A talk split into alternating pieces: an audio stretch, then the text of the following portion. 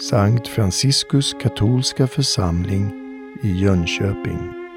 De här två dagarna har vi firat eh, stora högtider. Jesu heliga hjärtas högtid igår och idag Marie obefläckade hjärtas fest. Och det är därför också vi har Fatima Madonnan i vårt kor idag som vi vanligtvis inte står här. Det är högtider som påminner om vad vi har i vårt inre, i vårt hjärta, i vår själ. Vad som finns där inne.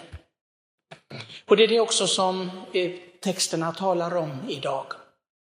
Det som vi låter Herren så i våra själar. Och han vill se en skörd. En skörd av helighet. Och det är klart att vi har olika uppfattningar om vad helighet är. Vissa har mycket besynnerliga idéer om vad en människa som är helig är, hur hon framträder och vad hon visar. Men vi ser eh, idag då i denna helgen tre exempel. Vi ser Jesu heliga hjärta själv. Jesus som själv är helighetens modell. Vi har ingen annan förebild än vår Herre Jesus Kristus egentligen. De andra, alla andra helgon är slags kopior av vår Herre Jesus Kristus. Det är honom vi ska efterlikna, ingenting annat och ingen annan. Och sen har vi då den som har efterliknat honom mest, hans moder Maria som tog allt till sitt hjärta och begrundade det. Där ser vi en form av att få det låta växa, det som Herren ger oss i livet. Men den här helgen har vi också ett tredje helgon som jag tror de flesta av er känner till på något sätt. Och det är den helige Antonius av Padua. Det är ju den 13 juni imorgon och det är hans festdag. Ett mycket populärt helgon, åtminstone känner man till honom att han hittar saker och ting. Eh, I Italien fick jag lära mig att man skulle inte missbruka detta och be om liksom banala saker som var borttappade, utan man skulle be honom hitta nåden som han hade förlorat. Och det tyckte jag var en väldigt bra poäng. Mycket nåd har vi förlorat under livet som vi slösar bort. Det som Herren ger oss till hjälp för att växa i mer och större och innerligare gemenskap med Herren. Den helige Antonius, jag tänkte att han var som Franciscus och inte hade sagt så mycket för efter Franciscus har vi ju väldigt liten, en liten, liten bok som heter Franciscus skrifter. Och trots att det står Franciscus skrifter har han inte skrivit ett ord bland dessa, utan det är andra som har skrivit ner åt honom, bland annat broder Leone, hans så kallade sekreterare. Men när det gäller Antonius av Padova, denne mycket lärde man, så finns det många av hans sermones, hans predikningar. Och eh, det finns mycket att plocka där i som hjälp till den här heligheten. Men jag ska ta en enda fras som, som slår mig, som är väldigt, väldigt känd, kanske den mest kända av Antonius av Padua. Att vilja heliga ting, att endast vilja heliga ting, är redan att vara ett helgon. Jag tror att detta sammanfattar mycket väl det som texterna säger idag. Framför allt den andra läsningen av Paulus. När han uppmanar till den här längtan efter himmelen. Han säger ju i den här starka texten någonting som han säger på flera ställen i olika sammanhang. Helst så skulle jag vilja slippa att leva här. Jag skulle helst vilja komma till himlen direkt. Men jag vet att det inte är Herrens vilja. Vi ska utföra någonting till hans ära, vi ska utföra saker och ting, vi ska förbereda oss. Så därför är det viktigt att jag förbereder mig väl. Och att jag är medveten om att jag ska stå till svars för allting. Så säger Paulus. Och där i visar jag min längtan att jag verkligen vill till himlen. Det är kanske många människor som, ja, de vill till en himmel när, de, när, när det här livet på jorden är slut. Men de har ingen uppfattning om vad det är. Vad är det egentligen himlen? Det, det målas ju ut, till exempel om vi läser profetior, vi läser uppenbarelseboken, så tänker på gator av guld och, och jag vet inte vad för någonting. Och det låter nästan som Disney World. Men det är klart att det inte är. Himlen är ingen Disney World. Det är ingen fantasivärld på något sätt, utan det handlar om den här kärleksfulla, trygga gemenskap med Gud i all evighet när människan inte har någon oro, det finns ingen olycka, det finns ingen smärta, det finns ingen sorg, ingen, det finns bara lycka helt enkelt. Och det är någonting som är svårt att greppa. Jag vet inte, ni kanske har varit lyckliga en hel dag. Jag har aldrig varit en hel dag, 24 timmar, så jag vet inte riktigt vad det skulle betyda. För oftast är jag arg eller jag skriker och gapar eller någonting annat. Det, det är mina medbröder vana vid. Men att uppleva en, en fullständigt total dag av bara lycka, det, det är för mig mycket, mycket främmande. Men här talas det om en evighet, alltså resten av, och det ska aldrig ta slut. Och det utlovar Gud åt dem som älskar honom. Och Älskade det har jag förklarat många gånger. Jag har ju varit här sedan 1993 så den har hört så öronen sprutar av det. Men det är att lyda Guds vilja, det är ingenting annat. Det har ingenting med känslor att göra.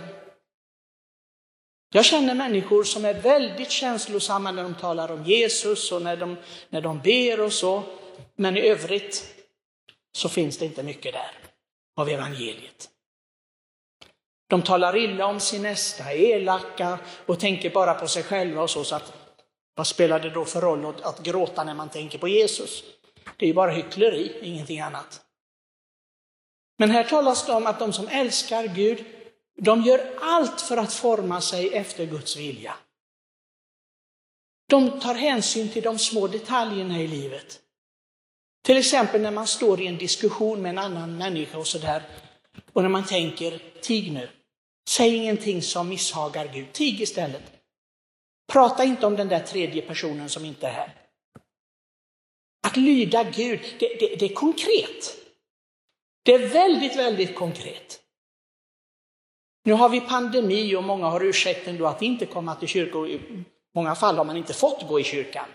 Men när det inte är pandemi, om vi skulle ha alla i kyrkan som borde gå, så alla som är döpta, då skulle inte våra byggnader räcka till.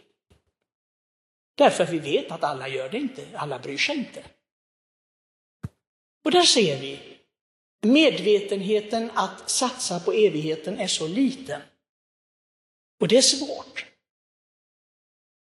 Min kära förebild Moder Angelica, grundaren av IWTN, hon sa så här, vi är alla kallade till stor helighet. Missa inte chansen. Jag tror verkligen att hon var en helig människa. Det var inte bara ord. Moder Angelica var en mycket radikal människa i allt. De säger det att när hon hade lämnat tv-stationen och de tänkte nu ska vi prata om hur det gick. Hon var alldeles tyst i bilen. Sa inte ett ljud för nu skulle hon be. Hon skulle be för de människorna som hade lyssnat och sett henne. Inte sitta där och pladdra i bilen. Tänk sådana där förebilder. Antonius av Padua som, som då många ville lyssna på och se och träffa och så. Men han var mycket noga med att han skulle ha den egna tiden för bön och fördjupa sig. För vad hade han annars att ge människor? Han ville inte vara någon idol av något slag. Han trodde inte att det var han som gav människor någonting. Utan han kunde bara förmedla det han hade fått. Och det han skulle få, det tog han emot i bön och meditation och studier. En medveten människa, medveten om vad det innebar att fördjupa det här förhållandet till Gud. Alla är vi kallade till detta. Alla är inte på samma sätt. Alla ska inte leva som munkar och nunnor eller, eller som gifta. All, var och en har sin uppgift och sin kallelse. Men alla vi kallade till precis samma sak, att låta Guds ord växa i oss, att det ger frukt. Vi vet vad Jesus sa till fikonträdet när han kom dit och det fanns ingen frukt där. Det är bara att hugga ner, det är ingenting att ha. Finns ingen frukt, vad ska man ha det då till? Och det är samma med människan. Människan, Jesus använder denna liknelse flera gånger därför att han uppmanar oss till att bära frukt. Och när vi i de små etapperna kan förändra, det kanske sker en gång och sen misslyckas vi två gånger, till exempel i, i ett samtal med någon annan. Om vi lyckas att bita oss i tungan när vi skulle säga någonting elakt eller när vi skulle tala om någon annan eller bedöma någon annan, då har vi ju segrat.